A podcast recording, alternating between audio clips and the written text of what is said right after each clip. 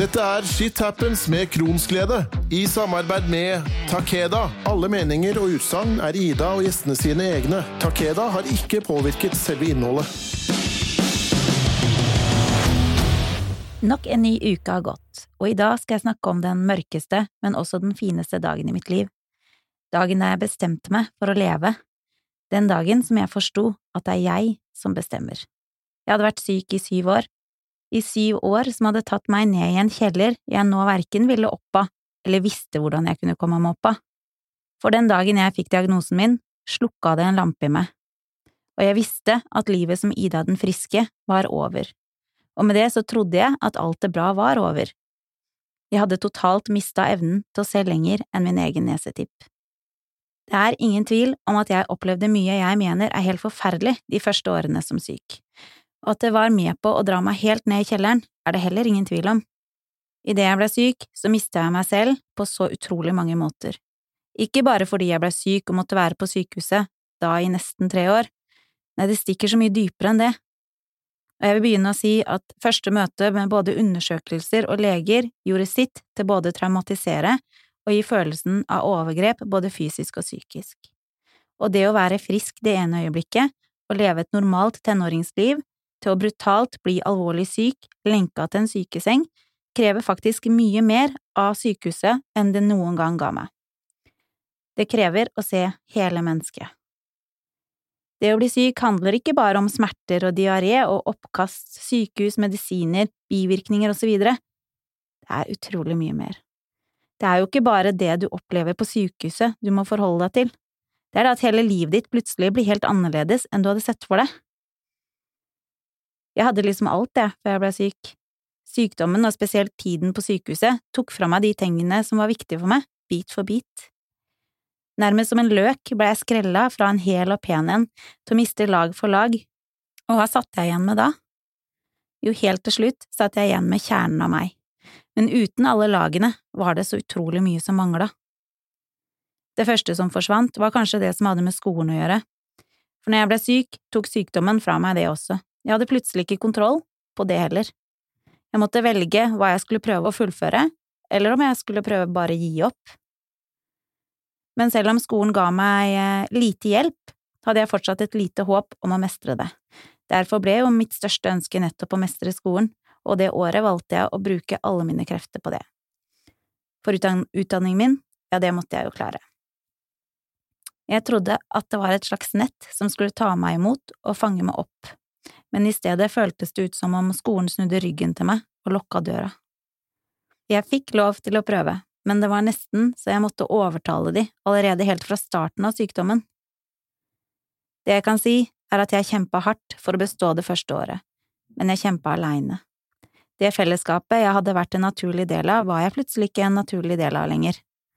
Hvorfor gikk jeg fra å være en elev som ble sett, hørt og snakka godt om, til en elev som plutselig kun var et problem? For det var jo sånn det føltes, og om det ikke var et tilfelle, så var de ikke gode på å vise meg at jeg var verdt å kjempe for. Og det året var beintøft, men håpet om å klare utdannelsen min gjorde jo at jeg kjempa og beit tenna sammen, og det å ha noe å konsentrere seg om når en opplever at hele livet er som et ferdig puslespill som blir så tatt fra hverandre og revet i stykker, der du må prøve å finne bit for bit igjen i håp om å finne en helhet, det er beintøft, jeg gjorde de prøvene jeg klarte, og jeg gjorde alt jeg kunne, men uten så mye som en plan eller et klapp på skulderen fra skolen. Jeg husker første gangen jeg forsto at jeg ikke var en del av klassen mer også, som en av de gangene jeg traff kjelleren sånn skikkelig. For livet til alle andre gikk videre, mens jeg satt i sengen med medisiner dryppende og næring tolv timer i døgnet hengende i ledninger. Og det var nesten som om jeg aldri hadde vært i klassen, og det var skremmende. At noe som betydde så mye for meg, bare hadde blitt glemt, nærmest på få uker. Jeg følte meg svikta og uviktig. Likevel så hadde jeg et håp om å klare å bestå eksamen, om ikke annet skriftlig. Og læreren hadde gitt meg et håp om at jeg kunne få mulighet til å ta praktisk neste år. Men så kom det en telefon en dag i mai, som skulle forandre alt.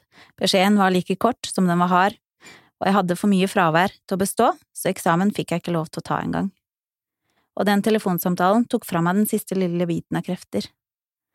Nå, 17 år etter, så husker jeg den dagen, lukten, lydene og følelsene som det var i går. For jeg vet at jeg hadde bestått en eksamen, og jeg vet at om jeg hadde blitt kjempa for og kjempa med, hadde jeg mestret det som var mitt mål det året. Vet dere hvor vanskelig det er å kjempe og ha troen på seg selv om ingen andre rundt oss har det?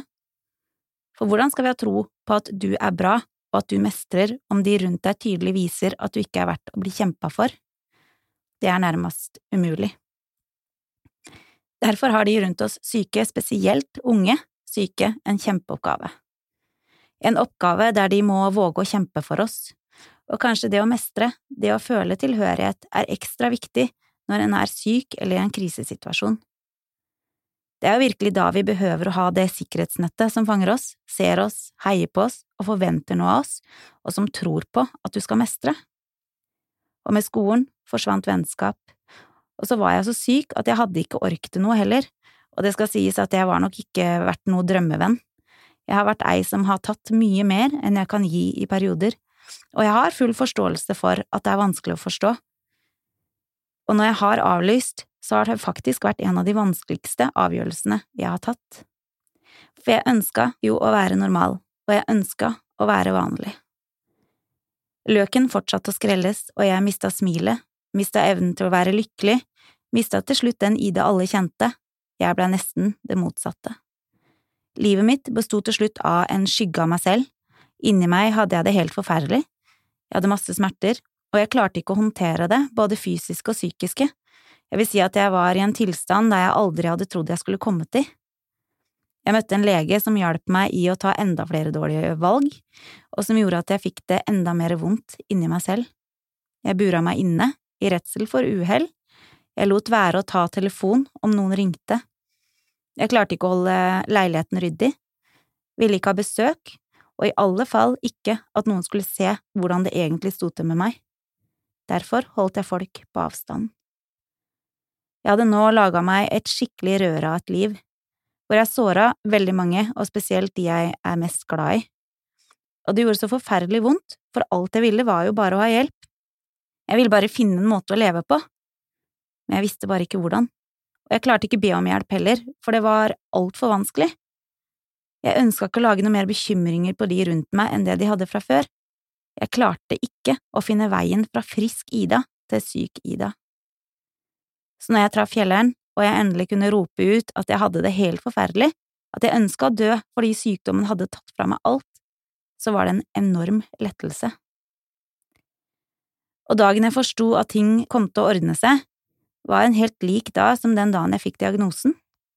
Mamma og pappa turte ikke å gå fra meg på det tidspunktet fordi de var redd for at jeg skulle ta mitt eget liv, så jeg blei vokta som en hauk. Jeg bodde da hjemme hos foreldrene mine, og denne spesielle dagen, da jeg nesten vil si at jeg fikk en slags aha-opplevelse over mitt eget liv, så tvang mamma meg ut på tur, noe jeg egentlig ikke ville. Jeg ville helst bare få sitte i fred, uten forstyrrelser, og uten å måtte tenke, føle eller snakke. Det var flere minus ute, sola skinte og snøen var glitrende. Jeg husker vi gikk innover i skogen, og jeg var innmari irritert. Sparka i snøen, kald på føttene, jeg ville bare hjem. Men så var det som om jeg plutselig begynte å se, som jeg i stedet for å irritere meg over å være kald på føttene, så så jeg hvor vakkert det var rundt meg. Og den følelsen var utrolig spesiell. Jeg og mamma stoppa midt inne i skogen og sto og beundra den vakre naturen vi så. Plutselig, for første gang, var jeg sikker på at jeg ville leve. Jeg som hadde vært stille over lang tid, prata nå på innpust og utpust, var helt i ekstase over hvor vakkert det faktisk var rundt meg. Jeg sto tett inntil mamma og så henne inn i øynene og sa, Mamma, jeg skal klare dette. Du trenger ikke være redd for meg mer, jeg vil leve. Jeg er ferdig med å ha det dritt. Mamma sine tårer og mine blanda seg med latter for første gang på veldig lenge, og mamma svarte at det visste hun jeg skulle klare. Hun sto med gåsehud fra topp til tå og bare visste at nå var faren over. Og vi har snakka masse om denne episoden, og begge to opplevde den dagen som en helt spesiell dag, en dag der all kaoset på en måte bare falt på plass, da jeg fant styrke i meg selv til å kjempe. Dette ble første dagen av en lang reise. Jeg visste at det var en jobb jeg måtte gjøre selv, og at jeg måtte være 100% ærlig for å få det til. Jeg bestemte meg aller først for å tilgi meg selv for alt det dumme jeg hadde gjort, og ikke minst for å ha sløst bort så mange dager av mitt liv. Så lova jeg meg selv til å ta én dag av gangen. Grunnen til at jeg deler denne historien med dere, er litt fordi at jeg ønsker å nå ut til alle der ute som sliter med å finne seg selv som syk. Jeg vet så innmari godt hvordan det er. Jeg vet også at det finnes håp om å få tilbake livet igjen. Noen ganger må man i kjelleren før en klarer å ta tak i eget liv, andre ganger må en bare bestemme seg for å gjøre en endring, og ikke minst ha noen som tror på det. Og jeg tror på at det er mulig å være lykkelig syk. Kan jeg, så kan du, du må bare kjempe for det og ønske det selv. Jeg var så bitter på sykdommen, på legene, på venner, ja, på alt, og jeg klarte ikke å se at det tross alt er meg som har et ansvar. Jeg har ansvar for hvordan jeg velger å håndtere det som detter i fanget mitt. Og én ting er sikkert, jeg klarte ikke å håndtere det, og det er nok ikke noe å forvente av ei på 17 heller. Derfor er jeg opptatt av at leger og behandlere må jobbe mer sammen, at de må spørre de viktigste spørsmålene, de må ta seg tid. Til alle de som går rundt slik jeg gjorde i årevis, har jeg noe jeg ønsker å si. Det er mulig å få et godt liv på tross av sykdom. Det første jeg begynte med, var å lage meg gode dager. Jeg mener at det er utrolig viktig med rutiner, derfor så sto jeg opp og la meg til samme tid hver dag. Jeg hadde små mål som jeg måtte nå hver eneste dag også, som å rydde ut av vaskemaskin, rydde i sokkehaugen, og så videre. Ting jeg visste jeg kom til å mestre. Mål som kunne gi meg troen tilbake på at jeg kan ting. Jeg begynte å tvinge meg selv ut i lufta. Noen minutter i starten. Jeg måtte finne en ny måte å føle mestring på. Mestring hadde jeg jo ikke ført på veldig lenge, derfor så var selvtilliten min også helt på bånn. Og så tok jeg noen timer hos eh, tankefeltsterapeut for å få litt hjelp til teknikker. Og det er ingen skam. Hvorfor skal vi skjule at vi har hatt behov for hjelp i en vanskelig tid i livet? Jeg mener jo at det å søke hjelp viser en styrke og et ønske om bedring. Det sitter så mange der ute som ikke tør å dele at de har timer hos psykolog fordi de er redde for å bli dømt som svake, når sannheten er motsatt. Ingen svake mennesker våger å ta tak i det aller vanskeligste i livet sitt i håp om å få det bedre. Som svak hadde man jo aldri åpna døren til de vonde følelsene og bare fortsatt å hatt det dritt. Det finnes utrolig mange forskjellige typer muligheter for hjelp, og her tror jeg det er viktig å være litt kresen. Les om de forskjellige måtene, ta kontakt med noen du tror kan hjelpe deg, og still spørsmål. Om du synes det er vanskelig, så spør fastlegen din om hjelp. De skal ha god oversikt over hvilke muligheter som finnes. Og kanskje er ikke psykolog eller andre samtaleterapeuter noe for deg heller. Kanskje er det en god venn, en kollega eller andre du har et godt forhold til. Det aller viktigste er at du snakker med noen, og at det må være på en god og positiv måte. En må presses litt ut av sin komfortsone uten å miste kontroll. Jeg vet også at energinivået er en stor greie for mange av oss, derfor er det viktig å lades opp litt innimellom. Og jeg har funnet en måte å løse dette på ved å ha faste hviletider, og det betyr ikke at jeg nødvendigvis sover, men at jeg roer helt ned og lar kroppen hvile. Det å tilføre energi kan gjøres på mange måter, og her må en selv prøve og feile. Men husk at du skal ikke ha dårlig samvittighet for å si nei om det er til ditt eget beste. Den viktigste jobben du gjør, er å passe på deg og din kropp. Det å våge å stå opp for seg selv og si at en ikke kan i det selskapet, ikke orker å bli med på den toppturen, men gjerne tar en kortere tur, kan være med på å løse hele energifloken. Jeg mener at man kan se på ting på to måter. Mye kan vi velge i livet. Vi kan velge å se det positive eller det negative. Når jeg står opp om morgenen med smerter, så kunne jeg bare lagt meg igjen og syntes synd på meg selv. Men nå står jeg opp og tenker at jo da, det er vondt, men jeg er heldig som verken er innlagt på sykehus eller har så vondt at jeg ikke klarer å gå. Og det at jeg faktisk er hjemme i mitt eget hus og selv kan bestemme over min dag, kan ikke gjøre meg sur og jeg ønsker å sitte som ei gammel dame i en gyngestol og smile. Jeg vil sitte og tenke tilbake på alt jeg har fått til på tross av sykdom og utfordringer som jeg har møtt. Jeg vil ikke sitte og angre over alt jeg har gått glipp av fordi jeg ikke turte, eller fordi jeg ikke pressa meg selv til å ta tak i min egen situasjon. Livet er en gave vi lever én gang. Jeg skal gjøre mitt liv så godt som mulig, men hva er godt, hva er egentlig lykkelig? Er det noe jeg fort forsto når jeg ønska å få det bedre, så var det jo det at jeg måtte snu helt om på mine forventninger til livet. Så lenge jeg hele tiden ønska meg det jeg hadde som frisk, og så på det som lykke, så ville jeg ikke oppnå annet enn å føle meg mislykka. Jeg måtte ta en runde med meg selv, og aller først godta at Ida er syk. Jeg er ikke frisk, og sånn er det. Men frisk trenger en ikke å være for å være lykkelig. Jeg vil faktisk si at jeg nå som syk på 18 året er mer lykkelig enn noen gang fordi jeg ser hvor heldig jeg er. Jeg begynte å kjempe for de små øyeblikkene i hverdagen, de øyeblikkene friske ser på som en selvfølge. Jeg samler ikke på steiner, jeg samler på sand, pleier jeg å si, og med det så mener jeg at før jeg ble syk, så var det de store tingene i livet mitt som jeg så på selve livet. Store fester, kjøpe hus, bli ferdig med utdannelse, få barn, videre. Men nå er det de små øyeblikkene i hverdagen jeg verdsetter. Øyeblikkene som når vi alle spiser frokost sammen, når jeg kan leke og le med barna mine, når jeg kan krype opp i sofaen med mannen min og bare nyte å være inntil. For når jeg er kjempesyk, er det ikke de store øyeblikkene jeg lengter etter, det er jo de små, vanlige tingene, det som jeg beskriver som sanden. For jeg vet hva det vil si å ligge i en sykehusseng med bleie på fordi jeg ikke hadde krefter til å gå på do. Jeg vet hvordan det er å ha så mye vondt at det å se en fremtid med normale hverdager var umulig. Jeg vet hvordan det er å måtte bli dusjet av helsepersonell fordi kroppen min var avmagra og utslitt og uten mulighet til å klare det alle ser på som en selvfølge. Og når jeg nå i dag kan stå opp selv, smøre mat til barna, kle på meg, sminke meg ikke minst være hjemme, så tillater jeg meg ikke selv å klage, for jeg vet hvordan livet kan være. Og selv om jeg har en vond dag, så klarer jeg å finne mot og styrke i at jeg likevel har det fantastisk i forhold til hvor ille det kan være. Og så vet jeg at livet fort kan snu. Sjansen for at jeg plutselig blir alvorlig syk igjen, den er jo der.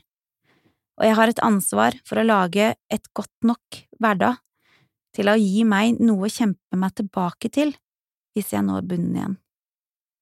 For om eller når jeg ligger på sykehus og kjemper for livet, så skal jeg kjempe for disse hverdagene mine, de dagene som er livet, de dagene der alt bare funker, der en kjenner på stolthet og glede, og det er mitt ansvar å lage meg. Og jeg kan nå etter 19 år si at jeg er lykkelig. Jeg får ikke gjort noe med min fortid. Det som har skjedd, har skjedd, men jeg har en mulighet til å gjøre noe med tiden vi er i nå. Og i min fremtid, ja, den ligger liksom urørt foran meg. Jeg vet ikke hva som kommer av oppturer eller nedturer. Det jeg vet, er at jeg skal ta det som kommer, og gjøre det beste ut av det. Livet som kroniker er beintøft, og livet ble ikke slik jeg forespeila meg det som frisk. Men jeg har funnet ro i den sannheten, og det er helt greit. Jeg har bestemt meg for å være lykkelig syk nettopp på grunn av min historie. En historie som har forma meg til den jeg er i dag. En historie som bare er min. Om du lurer på noe om dagens podkast, så ta kontakt med meg på kronsglede.no, kronsgledeoutlock.com, Facebook under navnet Kronsglede, jeg er også på Instagram med shithappens understrek kronsglede. Om du ønsker å få varsel om fremtidige episoder på podkasten, så må du huske å trykke abonner, og så blir jeg også veldig glad hvis dere liker Facebook-siden, eller legger igjen en kommentar. Til vi høres igjen, la din historie bli én du forteller med stolthet. Ta ansvar i dag. Shit happens med Kronsglede, i samarbeid med Takeda.